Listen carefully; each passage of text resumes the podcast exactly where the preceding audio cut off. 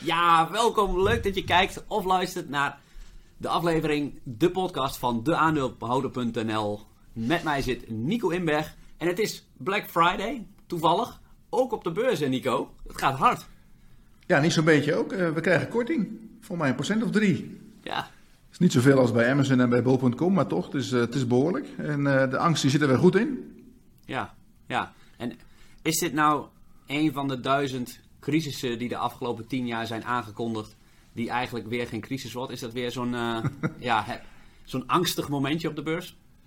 Ja, kijk, dat, dat weet je van tevoren natuurlijk nooit. Het kan ook de, de aanzet zijn naar de echte correctie. Hè. Eh, Er spelen wel een aantal dingen tegelijk. Ehm, de rente, die gaat omhoog. Die is, als je kijkt naar de Amerikaanse 10 jaar, die stond gisteren al op 1,67. Ehm, en corona komt natuurlijk terug. We zaten al met, met eh, een beetje aan de vooravond van misschien nieuwe lockdowns. Nou ja, dat hoeft niet beslist te betekenen dat de beurs omlaag moet, maar het betekent dat er accenten anders worden gelegd op de beurs. Eh, zie je vandaag ook wel heel duidelijk. Eh, alhoewel het er nu weer een klein beetje uitloopt, geloof ik. Maar je ziet dat bijvoorbeeld Takeaway, die loopt op. PostNL loopt op. Nou, dan ga je, zie Shell omlaag gaan. Want ja, als we in een nieuwe lockdown komen van een maand of wat, dan, is, ja, dan, is, dan gaat de olieprijs omlaag. Ja, dat soort dingen die kun je allemaal uittekenen van wat er een jaar geleden is gebeurd. Ja, ja. Maar eh, ja, het is ook een beetje, het is vandaag vrijdag. eh, ja, zit je vlak voor het weekend. Niemand wil grote risico's nemen, flinke posities innemen. Amerikanen waren dicht gisteren, die zitten aan de kalkoen. Doen ook niks. Nee. Dus ja, dan wordt het allemaal een beetje bij elkaar opgeteld. Is het van, eh, nou even de, de billen bij elkaar en dan kijken we maandag wel even verder. Ja, best, best een saaie tijd voor jou op de beurs, denk ik. Maar jullie hebben een leuke nieuwe feature op de website. Ja, we hebben wat, wat nieuws en hard aan gewerkt de afgelopen maanden, mag ik wel zeggen. Ehm, koersdoelen, analistadviezen, dat misten we eigenlijk nog. En eh, dat hebben we nu eh, dat hebben we voor elkaar. Het ziet er heel leuk uit, al zeg ik het zelf. Je kan nu met, eh, voor onze leden kunnen met één oogopslag zien wat, wat zeg maar, het gemiddelde koersdoel is. We volgen dus een aantal analisten. Daar hebben we een soort algoritmetje op wat, wat dan eh, uiteindelijk ja, berekent wat het gemiddelde koersdoel wordt en wat het advies is wat eruit komt. En dan allemaal netjes onder elkaar gezet voor meer dan 100 aandelen. Ook Belgische aandelen, want we hebben veel Belgische leden ook. en dat hebben we toegevoegd sinds afgelopen woensdag, staat dat erbij. Ja, Dus zo worden we steeds ietsje groter in. We prachtig. begonnen een jaartje geleden met alleen een magazine. En eh heel voorzichtig kijken hoe het, eh, hoe het allemaal gaat. En eh, ondertussen hebben we ja, veel video's erbij. We doen een chat-sessies, podcastje natuurlijk. Leuk. Dus we dijen een beetje uit als een olievlek, zeg maar. Ja, wie, wie- Dat is ook de bedoeling. wie zijn, wie zijn die analisten dan? Zijn dat dat van Nederlandse grootbanken of heb je ook de Amerikaanse grootbanken? En van alles. De, de, ehm, de Nederlandse banken zitten erbij, maar bijvoorbeeld ook Kepler, die dan de, meestal de, de dingen voor de Rabobank doet. Eh, ING, ABN, heel veel Amerikaanse, Goldman, JP Morgan. eh, de Zwitsers doen nog veel. Credit Suisse, UBS. Eh verschilt een beetje per aandeel. Je hebt niet voor alle aandelen, niet alle aandelen worden gevolgd door heel veel analisten, maar de, de grote aandelen natuurlijk wel. Ja. Kleinere aandelen is ietsje moeilijker. We hebben ook op de kleinste aandelen voor Nederland hebben we dat niet. Want dat is eigenlijk, nou ja, je hebt aandelen bij waar, waar, waar maar één of twee analisten op zitten. Er zijn aandelen bij waar helemaal niemand op zit. Ehm, dus dat, dat is, eh, die doen we dan gewoon zelf. Maar eh, van de, de, de grootste 75 Nederlandse aandelen hebben we alles op een rij. En dat, eh, nou ja, dat is heel degelijk. Ja, ja. Dus, Gaaf. als je advies wil, kan je dus de vragen. Ben je ook een van die analisten? Nee, ik niet. Ik sta erboven. Ja. Nee, ik, ik voel mezelf niet. Ik vind mezelf, nou, ben ik, aan, ik ben geen analist, ik ben meer belegger, beursman. En eh, ik, ik, ik heb wel toegang tot, tot veel analisten. Dus dat, is, eh, ik moet eh, analisten niet onderschatten, hè, doen heel goed werk. Ehm, ik ben ook ja, van de analistenrapporten vooral geïnteresseerd in, de, in de, de, de achterliggende redenen. Wat ze zien wat er aan de hand is. Ja, de cijfertjes en het advies. Natuurlijk, advies hoort er ook bij, maar dat, dat is ook maar net hoe je dat interpreteert. Maar het, het, ik ben altijd heel benieuwd. Ik wil van elk aandeel eigenlijk weten wat de drie belangrijkste punten zijn. Waar, waar het om draait. En dan weet je al heel veel. En eh, natuurlijk, een koersdoel is belangrijk om te kijken welke richting het op kan. En het advies ook. Maar eh, ja, ik kijk altijd wel even ietsje dieper. Ja. Het verhaal achter het aandeel, zeg maar. Het verhaal achter de cijfers kan altijd veel duidelijk maken. En dat is ook een beetje mijn taak bij de, de aandeelhouder om dat de, onze leden, mensen goed uit te leggen, een beetje duiding te geven waar, het, uh, waar de schoen wringt. Ja. En ga je als beursman ook nog, wat je actief van zulke dalingen zoals vandaag? Dat je, dat je gaat kopen of verkopen? Ja, natuurlijk. Kijk, uh, ik heb wel wat gedaan vandaag. Ik doe niet heel veel, want ik wil altijd eerst even uh, kijken. De, de, de opening is vaak extreem, omdat heel veel mensen denken, nou, de kopers zeggen ik doe even niks. Dan zijn dan eh, de, ja, de verkopers wachten ook even af, maar er zijn ook altijd mensen die scheef zitten. En die, die moeten vaak wat doen. Je ziet ook met de huidige beurs heeft natuurlijk heel veel te maken met stop-losses van turbo's en van warrants en weet ik wat allemaal dingen. Dus dat, dat is, dat, dat, uh, als het dan laag opent, ja, dan gaat er bijvoorbeeld een stop-loss af. En dan gaat het nog even lager, want dan moeten die verkopen in een, in een lege markt eigenlijk. Hè. Dat is ook het risico met, met turbo's. Wel goed dat ze die hoge hefbomen eraf gehaald hebben, want die gaan vaak in dit soort dagen, ja, raken die mensen hun positie kwijt. En um, nou, als je kijkt, iets langer kijkt dan je neus lang is, dus je kijkt een half jaar vooruit of een jaar vooruit, ja, is dit dan een, een, een big event dat er weer een, een nieuwe variant opduikt van het virus? Nou, ja, het is de zoveelste. Um, dus ja, ik denk het niet. Ik denk niet dat het, dat het de, de boel helemaal verandert. Uh, zeker niet op de lange termijn. Maar goed, het, het, het, is wel wat er is nu. Dat is de ellende met de beurs. Op dagelijkse basis. Dan zijn er altijd partijen die iets moeten doen. Kijk, de, de, de aandeelhouders, die, uh, die doen niks vandaag. Nee. Het zijn aandeelhouders, maar er zijn altijd speculanten of uh, beleggers, korte termijn beleggers, die scheef zitten, die moeten wat doen en die zetten de lood erin. Ja, ja. Nou ja, maar goed, ik, ik, kijk wel, kijk, bijvoorbeeld vandaag, ik, ik zit dan te kijken, weet je wel, hoe gaat het allemaal? Uh, ik zit goed in PostNL, nou, misschien kan je daar ietsje geven.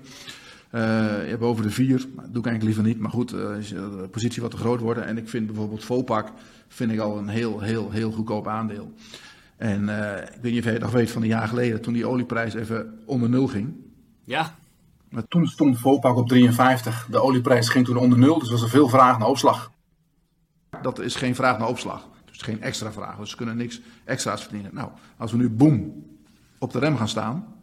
Ik weet niet of dat gebeurt, hè, maar uh, als het uh, uh, zo erg wordt als ze denken dat het wordt met die Afrikaanse variant. Nou, gooien de Chinezen de boel weer dicht, Amerika gooit de grens weer dicht. Ehm, we kunnen er beter mee omgaan, denk ik, dan een jaar geleden. Maar toch, ja, dan, dan moeten weer, hebben we op korte termijn heel veel minder spullen nodig. Moet in de opslag. Nou, opslag bij Vopak betalen, jongens. Dus het zou goed moeten zijn voor Vopak. Ja, ja. Stuk... Of dat gebeurt, weet ik niet. Ja. Maar ja, je moet wat. Ik wou net zeggen, een stuk, een stuk, klein stukje speculatie. Maar Ja, dat hoort er ook altijd bij. ja, ja. ja ik, heb- kijk, ik, je noemde net eh, aandeelhouders, dus die voor de lange termijn inzitten, althans die dat zeggen. Eh, Die, die zijn toch vaak niet blij met zulke dalingen op een dag. Stel dat je volledig belegd bent. Eh, Ja, ik snap dat gewoon niet zo goed. Het is toch een zegen dat aandelen lager staan. Het liefst nog veel en veel lager. Want bij mij in de net gaat portefeuille- omlaag. Wat? Je netlik gaat omlaag, dus je bent minder waard. Ja, ja maar als, als je belegt voor een lange termijn, word je als het goed is alleen maar extra waard door deze dalingen. Want het merendeel van mijn aandelen in portefeuille, bijvoorbeeld eh, Google Alphabet, koopt voor 50 miljard aandelen in. Dus die krijgen gewoon veel lagere prijzen. Dus ik zou het liefst willen dat morgen al mijn aandelen in koers halveren. En dan. Mensen worden dan een beetje zenuwachtig. Ik snap dat niet. Dat is geweldig, want die bedrijven die gaan, toch, die gaan niet failliet aan zich. Het is puur de koers die daalt. En je houdt dan zoveel extra rendement op die aandelen inkoop. Ja, maar kijk, als, als, uh, als jij gisteren aandelen hebt gekocht voor de lange termijn en morgen halveren ze, nou, dan ben jij niet blij. Dus er zit ook een stukje cognitieve dissonantie bij. Je kijkt terug, denk, ja, je hebt een aandelenportefeuille opgebouwd, bepaalde waarden, je hebt een bepaalde hoeveelheid geld. Hè. Nu zitten heel veel mensen bijvoorbeeld nu, die zitten met spaargeld. En dat moet, dat moet in de markt. Die, die, willen beleggen voor de lange termijn. Nou, als je dat nu besluit om te kopen, denk je, ja, de experts zeggen van uh, de beste dag om te kopen is gisteren, de op een de beste dag vandaag. Ja, ja. Maar als het morgen halveert, nee, dan, dan is dat niet meer waar. Dan kan je beter nog een dag wachten. Dus de, de, uh, kijk, in de long run maakt het misschien niet zo heel veel uit. Dus je kijkt over 10, 15 jaar. Maar ja, de mensen zien natuurlijk de beurs op dagbasis. En dat maakt dat het toch wel, ja, dat mensen niet houden van dalingen. We zien ook aan wat wij doen met de chat sessie bijvoorbeeld, komen veel, veel vragen binnen altijd. Vaak over aandelen die gedaald zijn. Maar ja, je hebt helemaal gelijk in die zin dat als een aandeel daalt. En kijk, maar jij bent jong hè? Ik ben oud, jij bent jong. Dus ja, jij moet nog, Jij moet nog uh, 40 jaar werken, denk ik, misschien wel langer. Met die vergrijzing. dus als je nu een portefeuille opbouwt, dan is, is het gunstig als de aandelen dalen. Ik ben ook, ook bezig voor mijn kinderen. Voor mijn kinderen is het helemaal niet gunstig dat die beurs zo hoog staat. Nee. Want ik wil voor hun graag een mooie portefeuille bouwen.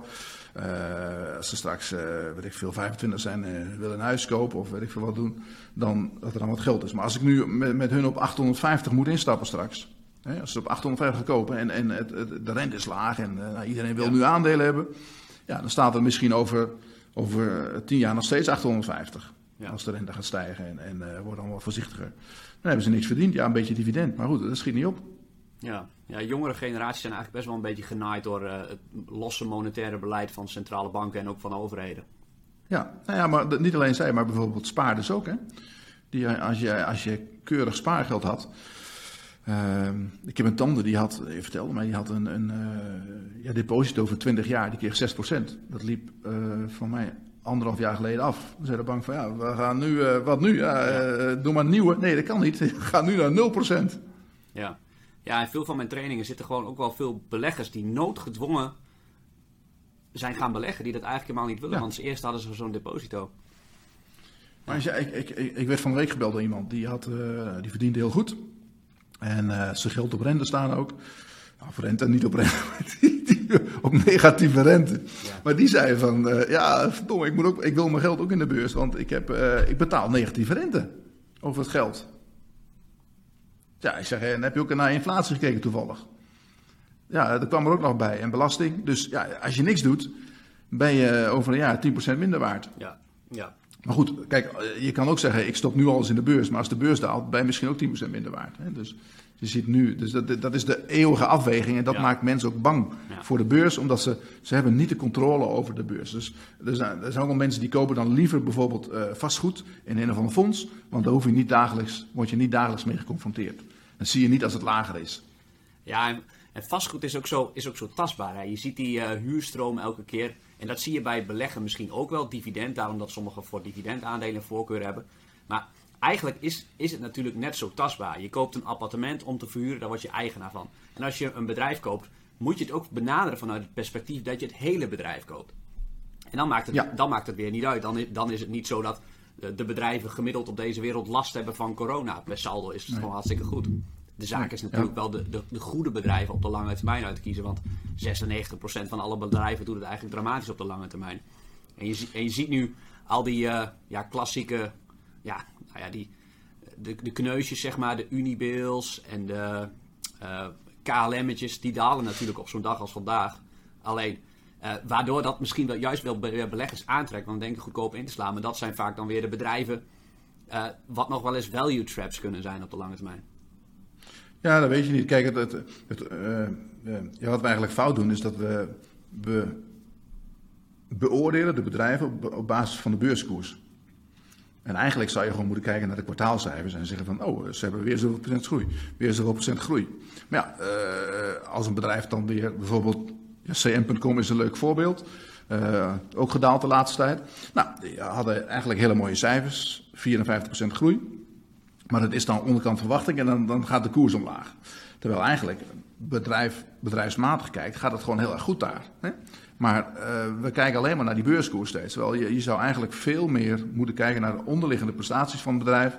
En, en, en als dat, als dat uh, goed gaat, dan gaat het de goede kant op. Zet je een stip op de horizon. Denk, nou, de komende jaren gaan ze zoveel groeien.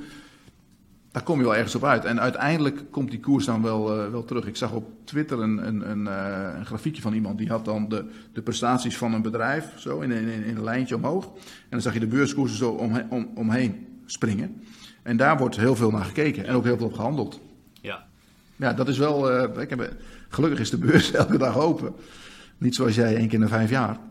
Nou, ik, ik, ik, denk, ik denk dat het voor beleggers niet in het belang is dat de beurs elke dag open is. Want we weten allemaal hoe meer je handelt, hoe lager je rendement. En de beurs open zet uiteindelijk bij veel mensen aan tot handelen. Bijna niemand heeft de broker-app van zijn telefoon verwijderd. Terwijl nee. het wel is aangetoond dat dat schadelijk is als je die op je telefoon hebt staan voor je rendement. Alleen het is gewoon, het is gewoon te vet om naar die koersen te kijken. Mensen vinden, vinden dat te cool. En ja, ik sluit me helemaal bij je aan. Wat, wat ik eigenlijk doe, in, als het, als het zeg maar in een perfect researchproces, is 100 uur onderzoek naar een bedrijf. En dan nog niks weten over de beurskoers. zoals je eigenlijk zegt. Dan pas voor, voor jezelf bepalen wat wil ik betalen voor dit aandeel. En dan op laatst pas vergelijken met de beurskoers. Nou is het in deze wereld onmogelijk om die beurskoers dan niet een keer tijdens dat onderzoeksproces te zien. Want die zetten bedrijven ook allemaal op hun website. Uh, dus, dus, dus dat werkt niet. Maar zo zou het in theorie wel moeten gaan. Ja. Maar ja, als de beurs dicht is, dan kun je ook niet instappen. Ja. Nee. Dat kan je niet kopen. Ja, maar als, als de beurs één dag in het kwartaal open zou zijn, en dat zou systematisch allemaal met die handelsvolumes lukken, uh, systeemtechnisch, ja, dan is dat veel meer in het belang van beleggers. Want kijk, de, de beleggers die de index verslaan op de lange termijn, dat zijn maar 20% van alle beleggers, misschien 20% van onze luisteraars. Um, kijk, als je beleggers hobby hebt, dan hoef je natuurlijk niet die index te verslaan. Voor mij, daar draait eigenlijk mijn leven, omdat ik de index wil verslaan. Dus hoe ga je bij die 20% horen? Ja, dat kan maar op één manier, door mensen, grote beleggers te bestuderen, wie heel lang bij die 20% horen, die de markt verslaan. En dan blijkt keer op keer dat ze altijd maar een paar transacties per jaar doen. Ja, dat klopt ook wel. Ik moet zeggen, index verslaan tegenwoordig is heel moeilijk, omdat die indexen zo dominant worden met, met, met, met de grote tech-aandelen, waar heel veel geld in gaat. Ik, je ziet ook dat heel veel mensen juist je daarom gewoon in de index zelf willen beleggen. Hè? Uh, hoef je niet die keuzes te maken, dan heb je ze allemaal. Dan heb je de grote ook, dus dat is, uh, ja, uh, dat is tegenwoordig steeds lastiger ja. om dat te doen. heb je gezien dat de Duitse beurs dat die nu dat die langer open gaat? Nee, heb ik niet gezien. Maar... De Duitse beurs die gaat nu ook, ook uh, s'avonds open tot 10 uur. Dus dan kan je ook reageren op wat er in Amerika gebeurt. Ja. Dus dat... Maar goed, dat is, het is ook bedoeld om... Dat, dat, ja, die partijen willen natuurlijk dat mensen meer handelen, want ja. is meer inkomsten. Ja, dus, dus kijk, mooi dat je het opbrengt, want een broker heeft natuurlijk per definitie een ander belang dan de belegger. Ja. En uh, ja, nog iets waar waardoor ik me echt genaaid voel, uh, nou ja, althans vooral voor, voor mijn volgers, want heel veel mensen die uh, beleggen bij de Giro. En vorige ja. week, afgelopen weekend, kregen we allemaal een mail van de Giro. waarin ze met veel bombardie aankondigen dat ze commissievrij handelen gaan aanbieden. Wat eigenlijk misschien heel aantrekkelijk lijkt. Maar als je dan verder naar beneden in die mail zoomt, dan wordt op het einde gezegd: onze valutakosten gaan wel omhoog. Dus als je een aandeel in Amerika koopt, betaal je eerst 0,1% aan valutakosten en nu 0,25%. Dus als je hem koopt 0,25, verkoopt 0,25, ben je al 0,5% van je geld kwijt. Ik, ik, vind het echt, ik vind het echt schandalig. Kijk, je mag het natuurlijk doen. Het is, het is een verdienmodel. Maar waarom zet je dan niet bovenaan neer, we, gaan, we, we worden een valutahandelbedrijf. En daar gaan we onze winst mee maken. Dit, ja, dit, ik vond het echt schandalig hoe je dat met zoveel bombardie presenteert. Van, we gaan beleggers goedkopere tarieven bieden. Ja, en dan via de achterkant weer uh, aan je verdienen. Dus, er, er is gewoon geen fatsoenlijke broker die het eerlijk doet eigenlijk. Nou, nou, nou, nou, nou, dat zijn wel hele grote woorden. Maar het is, kijk, ze moeten ergens geld verdienen. Hè? En, en uh, je ziet het in Amerika ook, daar wordt de orderflow verkocht. Nou, misschien wordt dat wel verboden. Dus dan moeten die dat ook op een andere manier doen. Beleggers moeten zich ook wel realiseren dat gratis bestaat niet. Als iets gratis is, dan ben jij het product. Dan, verdienen ze aan jou op een of andere manier. Dus iedereen, iedereen probeert uh, uh, op zijn manier geld te verdienen. En inderdaad, voor mij bij de Giro pakken ze gewoon op de valuta. Nou, daar kunnen ze heel veel mee doen, want uh, dat zie je toch niet natuurlijk in je trades. Ik weet niet hoe andere partijen dat doen, maar ik, bijvoorbeeld bij Bux, ja, dan zie je helemaal niet waar je betaalt, geloof ik. Dus het is ook allemaal kopen, verkopen. Dus ehm, ja, mensen moeten goed letten op de kosten. Alleen, um, wij krijgen ook heel veel vragen van mensen die zitten nu door, door dat gedonder bij Saxo en Bink willen heel veel mensen bij Bink weg. Ja. Die hebben geen zin om dat, om dat Saxo helemaal uh, uit te zoeken. Terwijl het op zich best wel, er zit best wel wat in als je dat uh, één, keer goed uitzoekt. Maar ja, dat kost tijd.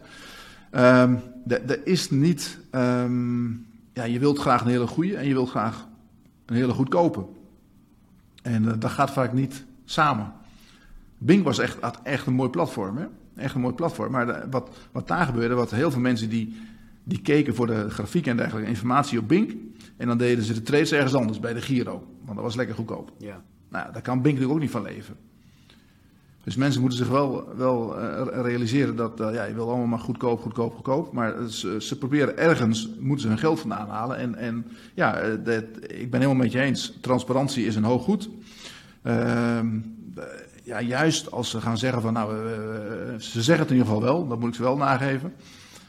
Vroeger zeiden ze dat helemaal niet. Dan, uh, toen hadden ze zelf een account erbij, volgens mij, waarin ze heen en weer handelden.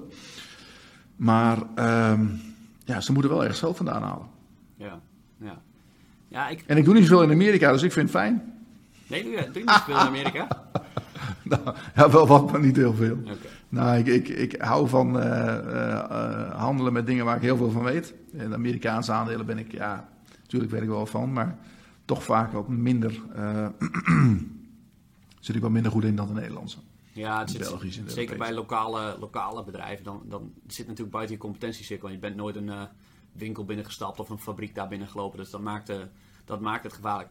Ja, maar mooi dat je zegt, van, kijk, over die, de Giro. Kijk, het gaat om dat je, dat je dat eerlijk deelt. En ik voel een beetje van nieuwe moderne businessmodellen, nieuwe bedrijven, die zijn veel eerlijker.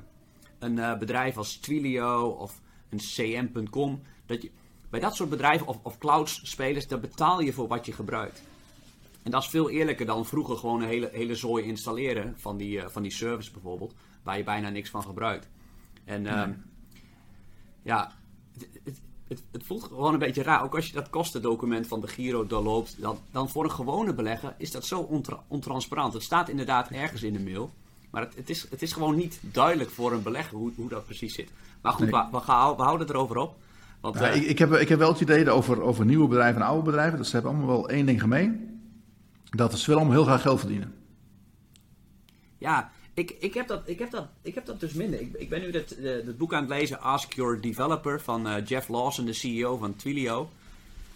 Ja, ik, ik, denk dat ze vooral aan hele vette platformen en oplossingen bouwen, willen bouwen voor consumenten. En dat ze, ja, je ziet het ook bij eh, een Shopify of een Spotify, dat soort platformen, dat ze de commissies allemaal veel lager doen voor hun app stores dan bijvoorbeeld een Apple Store, wat die 15 naar 30 procent. Is veel, Ja. is veel minder roofbouw. En ik denk, ik denk dat het op een hele lange termijn ook goed is, want de engagement gaat daardoor flink omhoog van de gebruikers van die producten. Maar, en dat het dus uiteindelijk ook goed is voor de aandeelhouder. Maar dat er veel meer naartoe gaan op een, naar een wereld waar op een eerlijke manier geld verdiend wordt en niet nagedacht wordt door de CEO's van bedrijven. Hoe kunnen we zoveel mogelijk geld verdienen aan onze klanten? Maar vooral, hoe kunnen we onze klanten zo goed mogelijk helpen? Ja, nou ja, ik, ik hoop dat, dat dat moet eigenlijk het uitgangspunt zijn van elk bedrijf. Hè? Ja. Eh, wat die Bezos altijd gezegd heeft van eh, de klant eh, extreme focus op de, de, de dienstverlening van de klant, de tevredenheid van de klant. En als je dat hebt, dan kom je een heel eind. ja. Maar eh, daar komen ze vanzelf wel achter eh, allemaal. Ja, ja en, en beleggers ook. Je noemde Bezos, het aandeel Amazon is eigenlijk na de Q3-cijfers best wel fors gedaald. Omdat ze voor Q4 eigenlijk voor, voorop eh, zeiden dat de kosten flink omhoog gaan. Ze zijn wederom aan het investeren in groei. Ja. En toch vinden beleggers dat op de een of andere manier niet leuk. Terwijl ze eigenlijk al twintig jaar lang hetzelfde verteld worden, do- worden door Jeff Bezos en nu dus de opvolger Andy Jassy. Eh, van, geloof ons nou, we gaan op de korte termijn geen winst maken. We gaan investeren voor groei als die groei er is. En daarmee gaan we klanten helpen. En nu doen ze dat eigenlijk weer. En toch, Ja. toch kijken beleggers soms niet altijd even verder. Ja, maar dat is, dat is allemaal weer angst. Als bedrijven gaan investeren, oh, gaat wel goed. eh, ze zoeken de concurrentie op. Dat zie je bij heel veel bedrijven. Dat, daar, daar zijn mensen toch huiverig voor. Analisten kijken vaak, eh, echte bankanalisten kijken ook vaak naar bijvoorbeeld de eh, stijging of daling van het werkkapitaal. Nou, als het dan behoorlijk stijgt, dan worden ze eh, zo'n gevaar. Hè? Sommigen zeggen wel, het is een rode vlag. Eh, stijging van het werkkapitaal, terwijl heel vaak betekent het juist dat ze aan het investeren zijn in nieuwe business. Maar ja, de, de kost gaat voor de baat uit, dat is altijd zo geweest. Dus je moet eerst investeren om nieuwe business te krijgen. Maar ja, dat gaat niet zonder risico en dat is nou juist ondernemen. En dat, dat is natuurlijk het hele principe van beleggen. Dat jij meedoet in een onderneming wat iemand anders heeft opgezet. En eh, misschien ben je zelf niet zo'n ondernemer, maar dat doet iemand anders voor je. Ja, en dan moet je er wel een klein beetje op vertrouwen dat hij weet wat hij doet. Ja, ja. Ni- Nico, is er nog bedrijfsnieuws eh, deze week? Eh, volgens mij niet zo gek veel. Ja, voor farmers zijn we wel mee bezig natuurlijk. Dat is de ja, CEO is daar opgestapt. Je weet, daar zijn we al een, een tijdje na aan het kijken omdat er een- aan de ene kant een hele grote verkoper is, ABP. Nou, die hebben nu die Rozenmuller aangenomen in het bestuur. Dus er gaat nu helemaal alles uit wat niet deugt. Ja. En, eh, die, eh, maar voor Farmers heeft gezegd dat ze eh, gaan kijken naar de kapitaalallocatie. Hè. Dat betekent in, in, in Jip en Janneke taal dat ze eigen aandelen gaan inkopen. Maar nu is opeens de CEO opgestapt. Dus natuurlijk de vraag van, hé, hey, eh, die man die, is- ja, hij is niet opgestapt, maar zijn, zijn contract wordt niet verlengd, laat ik het zo zeggen. Eh, hij zit er acht jaar. En eh, nou, de koers is sindsdien, denk wel gestegen, omdat hij toen bij... Uh, hij heeft eigenlijk ervoor gezorgd dat het aandeel op de beurs is terechtgekomen. Dus dat betreft, dat is wel zijn verdienste. Maar goed, toen het op de beurs kwam, toen stond het rond de 7 en nu rond de 3, 3, uh, 3,75. Dus ja, heel goed is dat niet natuurlijk. Um, dus, maar de, de vraag is nu natuurlijk, hoe zit het in elkaar? Mag zo'n man, als hij in april weggaat, wat mag hij eigenlijk nog doen? Is die vleugellam? Hè? Heel vaak, als je bijvoorbeeld toen ik aankondigde dat ik bij IX wegging, ja, dan word je aan alle kanten voorbij gelopen, want dan word je niet meer meegenomen in de toekomstige plannen. Ah ja. Ja. Nou, dat is natuurlijk logisch, want het, dan, ja, je maakt geen onderdeel uit van de toekomst. Dus uh, ja, dan wordt, uh, je gaat natuurlijk ook niet over je graf heen regeren. Ja. Uh, maar je wordt ook niet meer meer betrokken bij, bij bepaalde beslissingen. Nou, uh, de vraag is, wat mag hij nog doen? Mag hij, mag hij wel of niet een aandeleninkoopprogramma opstarten? Mag hij wel of niet een overname doen? En uh, wat een beetje de, de mores is, is dat hij dan uh, met acquisitie, zeg maar... Ik vermoed dat ze de, ja, de hele acquisitie... acquisities die ze eventueel op het oog hebben, dat ze dat even laten gaan. Dat ze denken van nou, dat komt een nieuwe man, die moet straks daarmee leven, die moet daarmee mee werken. Dus dat, dat laten ze bij hem. Maar een aandeel-inkoopprogramma mag hij best doen, dat mag hij wel opstarten. Want dan kan die man, nieuwe man altijd stopzetten. Nieuwe man of vrouw, kan natuurlijk ook een vrouw worden. Hè? Een boer of een boerin, dat kan ook. Ja. Dus er komt een boerinnetje daar, bij voor farmers, waarom ja. niet? Maar de, dus dat is een beetje een vraag. En uh, we, we, ja, het bedrijf is best benaderbaar. Dus ik heb ook contact gehad met Van Farmers. En want ze hadden iets gezegd over dividend. Hij heeft eigenlijk bij de vorige cijfers beloofd dat hij het uh, dividend zou handhaven op, op uh, 29 cent. En dat laten ze inderdaad staan. Dus dat, dat, dat, wordt gehandhaafd. En over die kapitaalallocatie is nu bekend geworden dat ze dat voor de kerst willen, willen communiceren met de, de, de, de wereld, outside wereld. Dus we verwachten dat dat, ja, ik weet niet wanneer, maar voor de kerst is best wel snel. Hè? We zitten al in december. Dat de komende twee, drie weken dat ze met een, uh, met een, voor, met een voorzet uh, komen. En uh, misschien zeggen ze ook wel van we gaan het geld allemaal gebruiken voor acquisitie. Dat kan ook. Maar ik, ik, ik heb een onderbuikgevoel dat ze gaan zeggen van nou we gaan beginnen met een aandelen-inkoopprogramma. Dat mag ook. Ze hebben toestemming om 10% van de aandelen in te kopen. Dus dat kost 40 miljoen. Uh, iets minder. En uh, dat ze daarmee uh, mee gaan beginnen. Het zou ook een tender kunnen zijn, maar dat vind ik niet zo verstandig. Maar dat, dat, dat ja, gaan we zien. Maar dat, dat, dat, komt dus de komende weken hoger op. Ja, ja. ja, de aandeelhouders hebben in ieder geval niet goed gegeten. Hoe eten de koeien en varkens? Hoe eten ze? Ja. Hoe bedoel je? Hoe? Nou, dat, de aandeelhouders hebben niet zo goed gegeten bij voor farmers, maar de, de, nee. de, uiteindelijke eindklant, de koeien en de varkens, die eten nog steeds goed, geloof ik, hè? Ja, die eten goed. Die eten met name soja. Dus die, die vreten wel door. Hè. Uh, moet melk uitkomen. De melkprijs gaat gelukkig weer wat omhoog. Dat is goed voor de boeren. Alleen, uh, ja, van de week was ik ook bezig met OCI. Ook weer een leuke tip, gelijk 5% lager, zul je altijd zien. Maar die, uh, de kunstmestprijzen zijn extreem hoog omdat de gasprijzen extreem hoog zijn. Dus je hebt nog steeds allerlei, allerlei rare dingen in de, in de markt. Koffie is extreem duur op het moment, heel duur. Tarwe is duur. Dus er zijn nog steeds, hè, dan uh, moet je kijken hoe dat met eventuele nieuwe lockdowns weer, gaat werken. Maar uh, ja, er gebeuren nog steeds rare dingen op uh, dat gebied. En voor de boeren betekent het, het is heel goed dat die melkprijs wat omhoog gaat. Maar het is voor ons als consument want melk was altijd best goedkoop. Hè? Ik weet niet wat een litertje melk nu kost. Maar het viel mij altijd op dat een liter melk goedkoper was dan een liter cola. Ja. Dat zijn best raar. Ja, ja. Want ja, wat ja. is die cola nou helemaal? Dat is water met een smaakje. Ja. Terwijl melk moet je uit de koe trekken en uh, gekoeld, geschoond, noem maar op. Ja. Hoe kan dat nou goedkoper zijn? Ja, bizar hè? Ja. Dus. Maar goed, we, we wachten af met voor farmers. Wel, uh, leuk dobbeltje. Ja, ik, ik, ik, ik vond ze altijd uh, een tijd geleden wel bestudeerd. Heel niet transparant met uh, wat je als belegger financiële belangrijkste kerncriterium is het rendement op het geïnvesteerde vermogen, de ROIC. Uh, zij rapporteren dat op EBITDA-niveau in plaats van op EBIT-niveau een meer netto-winst. En dat, dat, is altijd, is altijd zo agressief. Ik snap nooit waarom bedrijven dat zo doen en zo een beetje aandeelhouders proberen te misleiden. En er staat ergens verderop in het jaarverslag in de kleine regeltjes wel dat ze dat inderdaad op een hele andere manier meten.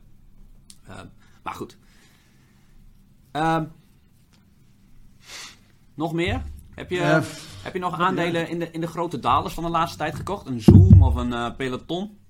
Nou, ik, ik, ik heb Peloton ben ik wel mee bezig geweest, heb ik naar gekeken, maar ik ben er toch een beetje huiverig voor het aandeel, want het gaat me wat te, te hard omlaag. Ze hebben een nieuwe aandeel uitgegeven hè, op 46. Je kent Peloton van de fietsen, die, eh, die hebben natuurlijk, ze zijn voor de corona naar de beurs gegaan al op 29 dollar. Gestegen naar eh, 100, 167 high en nu staat er weer, eh, het zal nu wel hoger staan voor beurs neem ik aan. Maar eh, die hebben toch wel moeite om die community aan zich te binden. Ze, ze maken nu die fietsen een stuk goedkoper. Dus je, je, je koopt daar volgens mij een fiets. Die kostte in de coronatijd eh 2.500 dollar. En die hebben ze nu verlaagd naar 1500, onder de 1500. Omdat ze zagen dat het toch wat eh, ja, een beetje moeilijk ging. Ja. En eh, de vraag is natuurlijk, ehm, ehm, omdat mensen thuis gingen sporten in de coronatijd. Daar heb ik van mij betaal wel eens over gehad. Of mensen dat nou, of dat nou eenmalig was of dat, die, eh, dat je dat eh, ehm, ja, heel graag gaat doen. En, en ja, als je kijkt naar wat jij noemt de metaverse, de metaverse, dan is dat misschien wel iets voor de toekomst. Ik geloof er zelf niet zo in dat mensen op een zolderkamertje. Ik heb het zelf ook wel gehad dat ik zo'n. We hebben toen eh, met tijd bij Optiver hebben we eens een keer eh, tien van die roeiapparaten gekocht voor de hele club. En eh, iedereen zo'n roeiapparaat thuis. Nou, dat was een week leuk en daarna was je ding zat. Stond hij in de weg, je struikelde erover. Ja. Ik heb ook wel eens een fiets gehad. Zo'n zo'n eh, zo'n lopende band heb ik wel eens gehad thuis. Nou, een racefiets thuis met zo'n ding waar je op kan zitten. Ben ik een keer omgevallen in de garage. Maar het is allemaal niet, niet bestendig, ja. denk ik. Maar goed, misschien dat, dat jij er anders naar kijkt. En dat jij wel zo'n ding hebt en lekker thuis gaat sporten. Ja, nou helaas zijn ze nog niet Doe je eh, überhaupt aan sporten of in niet? Europa. Ja, jongen, kijk zelf. hé. Ja, je ziet er gespierd uit, maar je bent nog jong. Ja, ja, nee, ja, altijd marktonderzoek bij de concurrent van eh, Basic Fit hier in Zwolle, Profit. Eh, nee, ik, kijk, ze zijn nog niet, die fietsen zijn nog niet te koop in Nederland. Ik denk dat je in het metaversum dat zoiets perfect is. Als je op je zolderkamer kan fietsen, met je VR-brilletje op, met al je vrienden en dan ga je de Alpe d'Huez op. En, dat, en die beleving, die er vroeger bij die roeiapparaten nog niet was, dat was gewoon hartstikke kloten, die is er nu wel. En ik denk dat de jeugd daar al massaal op voorsorteert en dat het metaversum echt... Het, het is er eigenlijk al, het is er eigenlijk al. In, For- in Fortnite, daar, eh, daar, daar, ko- daar zijn nu gewoon concerten van eh Ariana Grande en zo, waar miljoenen mensen tegelijk naar kijken. Het is echt, het gaat gigantische kansen bieden. Het heeft nog even wat tijd nodig, maar, eh, maar het komt er wel. Kijk, wij, maar wij zitten eigenlijk nu ook in het metaversum, Nico. Wij met z'n Ja. tweeën, gewoon, gewoon op Ja, een klopt. afstandje. Alleen, alleen er is nog, behalve de beleving die wij creëren, is, is, is er verder niks. We kunnen elkaar niet het gevoel hebben bijna dat we elkaar aanraken. Dat kan straks, eh, dat kan straks wel. Dan kunnen we ons, eh, elkaar een Nee. virtuele knuffel geven. Nee, dat klopt. Ik, ik, geloof er ook wel in. Alleen, ik, ik, ehm, kijk, met, ik denk ook wel dat het echte leven weer terugkomt. En eh, ik heb al vaker gezegd, normalisatie naar de corona. Hè. Eh, eh, we gaan weer naar de sportschool straks. Mensen willen weer met elkaar dingen doen. Willen, je zag hoe de, toen de restaurants weer open gingen, mensen massaal weer uit eten gingen. Mensen willen op een terras zitten in een cafeetje, willen op vakantie. Alles komt weer terug zoals het was. Misschien, en, maar aan de andere kant, digitalisering gaat ook door. Dus dat komt er ook aan. Eh, maar het is niet het een of het ander. En ja, eh, voor dit soort dingen, we hebben het ook vaak gehad over thuiswerken, wordt dat nog iets? Eh, nou, ik, ik, ik werk nu nauwelijks thuis eigenlijk, zit vaak op kantoor, bevalt me heel goed. Dus ja, je ziet dat veel bedrijven daar ook wel een beetje van terugkomen. Dus ehm, ja, het, het, het is, ik vind het moeilijk te zeggen allemaal Ja. hoe dat, hoe dat precies verder gaat. Ik moet wel zeggen dat de jongere generatie daar misschien anders in zit. En ook met, met inderdaad met, met gaming, de gamification van alles. Dat samen dingen doen eh, online, dat kan natuurlijk ook. Dus daar, daar, daar liggen best wel kansen, denk ik. Ja, en ik, ik, ik durf zelfs te stellen dat je er als serieuze werkgever er niet mee mee wegkomt in de toekomst dat je je eh, werknemers niet echt op afstand laat werken. Dat je ze niet gewoon een, een jaar in het buitenland laat werken op, op een zonnige locatie. Daar kom je denk ik niet mee weg. Ja, Tenminste, maar dat kan je niet doen als je een Albert Heijn hebt. Of als je bij de vuilnis werkt, of als je bij de weet ik veel werkt. Dus het is voor een bepaalde categorie Ja. is dat handig. Die met een laptopje onder de arm hè, eh, ja, naar Thailand kunnen gaan werken. Dus ik, ik hoorde laatst van een bedrijf, daar, die, die, die, werken, die hebben de, de jongens echt overal zitten. Kun je gewoon een... eh, Shopify eh, heeft, heeft, heeft gewoon voor altijd kan je remote. Ja, maar dat is natuurlijk een, een ja, bepaald ja, gedeelte van de. de, de je, moet, ja, je kan, als je kleine kinderen hebt, ga je het ook niet meer doen. Bepaalde banen, ja, dat kan het gewoon niet. Dus je zit wel met. eh, dat is niet voor iedereen weggelegd. Het is wel heel leuk. Dat, dat, je hoort nu veel, ook veel jongelui. Ik ken zo'n jonge Belgische analist. Die zit in Bulgarije. Die is eh, fan van de FIRE-beweging. Nou, hartstikke leuk. Dat is Maar zeg, als je straks een meisje tegenkomt in België, ja, dan zegt ze ook van, ja, laten we lekker, gewoon lekker hier blijven, man. Ja, ja. Met je Bulgarije. Ja, maar straks, ik, ik zie het echt voor me dat eh, als ik ooit kinderen heb, om ze mee te nemen naar het buitenland. En dan ze- hoeven ze ook niet naar school, want je zet ze gewoon in zo'n eh, VR-brilletje op. En in het metaversum krijgen ze dan gewoon les. Dus, dus Tuurlijk. tuurlijk. ik denk dat het allemaal sneller kan gaan eh, dan we denken. Dat is lastig. Zit je daar met een paar kleine kinderen in Thailand, daar word ik niet vrolijk van. Dat is goed, het, het, het- het- alles kan. ja. Het gaat vooral uitproberen, maar ja. we hebben binnenkort een gastspreker echt over het metaversum. Wie? Dus dat, eh, Mark Jo- Zuckerberg? Joost van Dreunen, dat is de professor van de game-industrie. Omdat ik denk dat de game-industrie eh, bij uitstek gepositioneerd is om het metaversum vorm te geven. Omdat ze die jonge doelgroep hebben en daar eigenlijk al het vers mee zijn. En dat Facebook, die, eh, die hypt die term eigenlijk een beetje, metaversum, en noemt zichzelf nu meta. Ja. Die, de game-industrie is er eigenlijk al veel verder mee. Heb ik een leuke kooptip voor je. Activision Blizzard. Oh, nou dat dat, ligt eh, behoorlijk onder druk nu. ja, ik, ik Die, vind die CEO die schijnt zijn handjes niet thuis te kunnen houden. Die eh, moet eruit of zo, geloof ik. Ja. Als die eruit gaat, dan kan de koers weer omhoog. Ja, en ook even dat onder het tapijt al een paar jaar vegen. Maar kijk, ik, ik vind cultuur bij de bedrijven die ik heb echt heel belangrijk. Want ik denk dat cultuur meer en meer gaat bepalen of bedrijven succesvol zijn. En, want als je de beste cultuur hebt, kun je de beste mensen aantrekken die daar kunnen floreren. En dat is eh, bij zo'n bedrijf, ja, is, heeft, dat hem, heeft dat wel een knikje gekregen, denk ik. Dat denk ik ook wel. Bij de aandeelhouders is de cultuur trouwens heel goed. Ja? We hebben Ja. echt een hele goede cultuur. Hoe zou je de cultuur omschrijven dan? Er wordt, wordt vooral veel gelachen. ja, ja, ja. Eh, ja. Nee, dat, eh, ik bedoel, eh, humor is, is heel belangrijk, denk ik. Serieus werken en, en eh, altijd met een knipoog. Hè? Het is allemaal relatief natuurlijk, maar goed je best doen. En er mag gelachen worden, zeg ik altijd. Dat is heel belangrijk. En, en bezig zijn met de leukste bijzaak van het leven, beleggen. Precies. Hey Nico, is onze podcast deze week gaat over wanneer je een aandeel verkoopt. Daar geef ik eigenlijk vijf redenen voor. Wij hebben het hier natuurlijk bijna alleen maar over kopen van aandelen. Ja, verkoop jij ooit aandelen? Wat zeg je? Zeg, verkoop jij ooit aandelen? Jawel, jawel. Ja, Ik heb aandelen maar gemiddeld drie jaar in portefeuille, dus ze gaan er ook wel Dat eens is uit. niet lang. Wat? Dat is niet lang. Nee, nee er, zitten Dus, er zitten erbij veel langer, maar soms maak ik een fout. Dat is voor mij een reden om hem gelijk eruit te doen als een fout in mijn analyse zit, als het argument wat ik eerst had niet meer geldt. Eh, en je hebt ook opportuniteitskosten. Hè? Dat de huidige bedrijven in je portefeuille verwacht je een bepaald rendement. Ik heb er nu 10 stuks. Maar als ik dan de tijd die ik over heb om andere bedrijven te bestuderen en daar is een hoger IRR of ver- verwacht rendement, ja, dan kan je, kan je Ja. prima wisselen. Maar wat zijn voor jou redenen om eh, een aandeel te verkopen? Ehm, nou, als ik denk, eh, heel, heel basaal, als ik denk dat hij omlaag gaat. Maar als ik denk dat het, dat het, dat het een beetje over is. Als ik denk dat er. eh, kijk, ik, ik, ik, ik, heb niet het. ehm, hoe moet ik het goed zeggen? Ja, ik, ik, ik, ik heb niet zo'n lange termijn visie als jij. Ik kijk meer op eh, korte termijn basis. Ik vind ook heel, heel goed om. Je, moet ook, je, je kan je geld namelijk maar één keer inzetten. Dus, ehm, en het wil niet zeggen dat je de hele dag moet bezig zijn met meer die of, of meer die. Maar ik, ik kijk wel heel erg naar van hoe het met, met de langere termijn zit. Als ik denk dat dat gaat niet goed, dan, ehm, ja, dan probeer ik vaak op het moment dat het dan wat oploopt, om dan even tegen de, de stroom in te gaan, om dan gebruik te maken van een, een mooi moment om uit te stappen. En dat is best wel lastig, omdat je. eh, want het is dan, als het aandeel net oploopt, dan heb, dan heb je, en je hebt er dan een poosje, dan denk je, oh, het gaat nu de goede kant op. Maar dan moet je eigenlijk heel goed jezelf realiseren van, nee, nee, eh, dit is, ik heb zo ja, beredeneerd en het is op de langere termijn is dit, is dit geen goed aandeel voor mij. Hè? En dan moet je dan er gebruik van maken en dan zie je vaak een week later of een enige tijd later dat het weer, weer wegzakt. Dat er ja, tijdelijk iets is. Of dat er een shorter en moeilijkheden is gekomen, weet ik veel. Dat soort dingen. En eh, ik kijk eigenlijk heel, heel simpel bazaal naar hoe, het, hoe ik denk dat het er op de iets langere termijn uit gaat zien. En dan wil ik er niet, eh, niet bij betrokken zijn, eerlijk gezegd. Kijk, je hoeft niet eh, in een aandeel te zitten of zo. Ik krijg best wel veel mails van mensen die klagen van dat aandeel is niet goed en dat gaat niet goed. En je- je kan ze ook gewoon verkopen. Dan ben je eraf.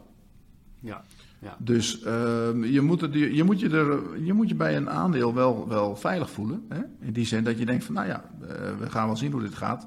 Als het even tegenin gaat, is het helemaal niet erg.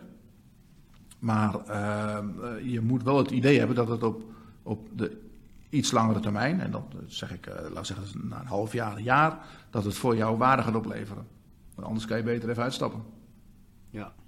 Ja. En je kan ook altijd weer instappen. Ik bedoel, het is niet, je hoeft niet beslist te blijven zitten. Het is, je moet ook zorgen dat je armslag hebt. Ja, en daarmee bedoel je een cashpositie en niet per se een wisseling? Nou, ja, een cashpositie en, en ook dat, dat, kijk, want er komen altijd kansen langs. Ehm, zelfs als de beurs hoog staat, zijn er aandelen die laag staan of die, die, uh, die kansrijk zijn. Dus ehm, in die zin vind ik een redenatie van dat de beurs hoog laag staat, ja, dat is, is ook slechts een, een, een, perceptie. Want er spelen zoveel uh, andere, andere factoren mee. Dus, maar ik wil wel graag altijd wat armslag dat ik als ik wat zie, op zo'n dag als vandaag, weet je wel, dan wil je toch wat doen. Uh, vaak staan er wat, wat dingen uit het lood. Nou, en dan bijvoorbeeld Unibaal, wat dan 15% lager opent. Er zijn ook wel andere aandelen die in één keer even te hard gaan of wat dan ook. Maar uh, uiteindelijk als je zegt van, ja, wanneer ga je wat verkopen? Dat is als ik, als ik het gevoel heb dat ik er op langere termijn niks aan heb. Ja, ja. Heel degelijk. Heel wat? Heel degelijk? Heel degelijk, ja. En dan, maar ook, ook, ik ook wel eens, ik neem ook wel eens af en toe een short positie en denk van, nou, dit is overgewaardeerd of dit is... Uh, op, ja, dat gebeurt. Ik denk dat dit omlaag gaat, dat het gewoon niet goed gaat, wat dan ook. Ja. En het kunnen eigenlijk ook hele mooie aandelen zijn. Hè? Uh, bijvoorbeeld wat ik gedaan met Alphen, is, daar heb ik ook uh, best wel vaak short gezeten. Ging ook wel eens mis, maar goed, in principe vond ik iedere keer als er 100 stond, denk van nou, dat is echt overdreven. Maar ja, uh, als de tijd verder gaat, dan, dan het bedrijf doet het eigenlijk wel heel erg goed, onderliggend. Ehm, er zit natuurlijk enorme groei in de komende jaren. En misschien niet het meeste uh, ja, bedrijf met de meest, meest ja, competitive edge. Maar goed, wel een mooie ESG-aandeel, elektriciteit. Dus ja, dan probeer ik ook wel aan de andere kant. Hm. Hoe, hoe, hoeveel verschillende bedrijven heb je eigenlijk vaak in portefeuille? Is er een bepaalde range of uh, heb je daar een regel voor? Nee, ik denk nu... Ja, ik heb natuurlijk voor de lange termijn wat ETF's en rotzooi. Maar uh, als ik kijk in mijn, mijn, mijn handelsaccountje, dan 20 denk ik, zoiets. Maar dat, valt, dat valt wel mee. Dus die, al die aandelen die wij bespreken, jij maakt daar in die zin heel scherp keuzes in. Nou ja, ja jawel. Ja, maar ik, ik, ik, hou ook niet van, kijk, als je er te veel hebt, heb je geen overzicht meer. En als je er te veel hebt, kijk net zo goed de, de, de, ja. de index kopen of een index, weet ik veel. Ja. Ik hou wel van keuzes maken en ik hou ook wel van dat ik dan, uh, ja, als, als ik echt denk dat het ge, ja, genoeg is geweest, dan wil ik er ook wel voor zien. Ja. Ja. Dus ik heb met teken rond de 60, daar was ik echt helemaal klaar mee. En uh, nou, dan ga ik er wel zoveel over lezen. En, en uh, Albert die weet ook wel het een en ander van. Dus dan zeg ik ook wel, uh, enough is enough. Nu gaan we er vol in. Ja. En nou ja, dat, dat, soms werkt dat. soms ook niet. Ja, dat is een mooi. Goed, gelukkig komt er een lockdown. Dan kun je weer extra tijd in beleggen stoppen. Nee, dat teken je omhoog natuurlijk. Oh, zo. ja, ik snap Nee, goed, maar het... het, het um, ja, ik vind ook, je moet wel een beetje convictie hebben af en toe. Tuurlijk, tuurlijk. tuurlijk. Alles binnen de perk natuurlijk. Goed kijken naar hoeveel geld je hebt, hoeveel je kan missen. Hè? Niet met geld, niet met geleend geld, niet met spaargeld, noem maar op. Al wat geld uh, achter de hand, voor als de wasmachine stuk is. Uh, je moet het ook altijd uit kunnen leggen aan je vrouw of vriendin. Of man, vrouw, weet ik veel. Dus uh, altijd met een, de nodige voorzichtigheid. Maar een beetje convictie is nooit weg. Ja. Over de lockdown gesproken, vrijdag 10 december, dat is al heel snel, is de horeca dicht. Maar dan zijn wij zelf open met een, de eerste beleggersquiz van Nederland. Ja, ja. ja. En uh, een beetje ludiek, maar ook wel een beetje kennis, competitie. Dus uh, schrijf je vooral in rowanijboel.nl slash quiz. Helemaal gratis om mee te doen en maak er gewoon een hele gezellige avond van. Is op een vrijdagavond, hè? Ja. ja. We hadden al eerder die coronastatistieken doorgekeken en toen we het organiseerden. En dachten al, als we die, die, die patronen doortrekken, dan volgt er een lock lockdown. En dat is ja. uitgekomen. Nou, ik ga meedoen, jongen. Leuk. Ik, ik ga meedoen onder een valse naam, anders dan weet je dat ik het ben. Wat was die, die schuilnaam van jou ook alweer? bij Op, uh... Henk? Henk toch? Henk de Tank? Nee, Henk de Nijf. Henk, Henk de Nijf. bij, bij de, de BNP-dinges. Ja, ja, ja. Dat, ja, de, ja. de uh, hoe heet dat nou ook alweer? Die, die, die, turbo-competitie uh, of zo? Die turbo-competitie, precies. Was ik elfde. Ja. ja. Jammer, net in de top 10 gehaald. Maar dat maakt niet uit. Nee, dat was hartstikke leuk, man. Ik hou van pubquiz. We gingen vroeger altijd naar de pubquiz in Amsterdam. Ja. Boom Chicago. En uh, altijd op, was elke maandagavond. En ik had een heel goed team. Ik was zelf niet zo goed. Ik deed meer de, de muziek, zeg maar. En het bier halen. Maar ik heb een paar vrienden die weten echt Ah, die weet echt heel veel, niet normaal. Ja. Ze lopen de encyclopedieën, dus dat was heel erg gezellig. Dus, eh, dus heel leuk voor de mensen. We zullen het even wat aandacht geven. 10 december, dus over, Ja, ehm, eh, over twee weken is dat. ja. Ja, Ja. daar moet je wekelijks iets van maken eigenlijk. Ja, het is nog wel veel werk om te organiseren. Dat, eh, dat, eh, Ja. dus dat, eh, we maar we hebben leuke vragen. Jij gaat het wel goed doen, denk ik, Nico. Uiteraard. Uiteraard. Als je tenminste niet te veel rare vragen stelt over van die Amerikaanse hype-aandelen en zo. Maar goed. Nee, maar een beetje ludieke dingen. Ook een beetje over de, de, de films in die wereld en dat soort zaken. Dus Ja, daar zit je vast goed Nou, in. ik ben benieuwd. Hartstikke leuk. Schrijf je Wat nu was de hoofdprijs ook alweer? Een jaar lang gratis eh, mijn portefeuille volgen. En we hebben ook andere leuke prijzen. Zoals eh, het beste beleggingsboek van de afgelopen vijf jaar. Die krijg je thuis bezorgd. Oké. Um, RolandNijboek.nl slash quiz schrijf je nu in. Helemaal gratis. Nico, staat er nog iets in het magazine? Ja, we hebben heel druk. Nou ja, goed. Ik, ik- wat hebben we? We hebben OCI, we hebben Peloton. ehm, pff, wat heb ik nog meer, man. Nee, dat is echt heel veel. Ehm Ray Dalio heb ik een stuk over. Die heeft weer een mooie video gemaakt. Ray Dalio, de bekende Amerikaanse eh, investeerder. Bridgewater. Hij zegt, cash is trash. Ja. Eh, nou, dag vandaag is dat natuurlijk niet zo, maar goed, op lange termijn wel. En ehm, we leggen uit natuurlijk hoe het gaat met de nieuwe, nieuwe eh, eh, de koersdoelenpagina's en de analisten, adviespagina's. Jordi, mijn collega, heeft, heel- heeft een hele mooie video gemaakt waarin hij precies stap voor stap uitlegt hoe het allemaal in elkaar zit. En ehm, nou ja, hij staat weer boordevol. Ja. Ja, Ray Dalio, vind ik, altijd, ik heb zijn boek gelezen, viel wat tegen. Eh, Ik vind, vind het altijd heel moeilijk om zijn beleggingsstrategie te bepalen. Dus ik ben wel benieuwd. Ja, kijk, hij is een beetje, eh, hij doet alsof hij het heel goed uitlegt. Dat Ja, doet hij ook wel. Hij is fan van de business cycles. Hè? Van, eh, aan het einde van de cycle zitten dan gaan we weer omlaag en omhoog. En, en eh, eh, ook met de rente. Maar ik, ik, ik, ik vergeet nooit dat hij, want het, nu heeft hij een soortgelijk verhaal van cash is trash. Maar dat zei hij twee jaar geleden in Davos ook. En eh, toen werd een week later bekend dat hij een enorme shortpositie had opgebouwd. In, in eh, allerlei aandelen, vooral Europese aandelen. En die gingen toen ook even omlaag, maar uiteindelijk omhoog natuurlijk. Maar voor mij was het drie jaar geleden zelfs. Eh, dus ja, dat soort jongens moet je toch altijd een klein beetje met, niet met een korreltje zout nemen, maar wel, wat, wat, is hun, wat doen ze eigenlijk zelf? ja.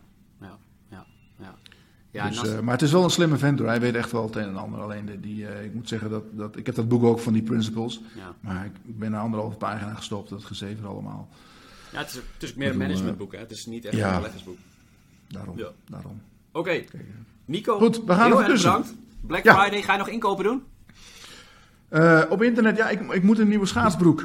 Dus die ga ik even zoeken straks. Oh, Ik heb een paar nieuwe, ik heb voor het eerst klapschaatsen gekocht. Eigenlijk belachelijk dat ik die nog nooit gehad heb, maar eh, die heb ik nu voor het eerst. Dus die gaan we uitproberen, maar ik moet er wel een beetje flitsend uitzien natuurlijk. Dus ik zoek ook zo'n eh zo- zo'n bollenknijper erbij. en dan ga ik lekker eh, de Jaap Ede rondjes draaien. ja. ja. Nee, is goed. Eh, Nico, bedankt. Luisteraar, kijker, heel erg bedankt voor het kijken en graag tot de volgende week. You.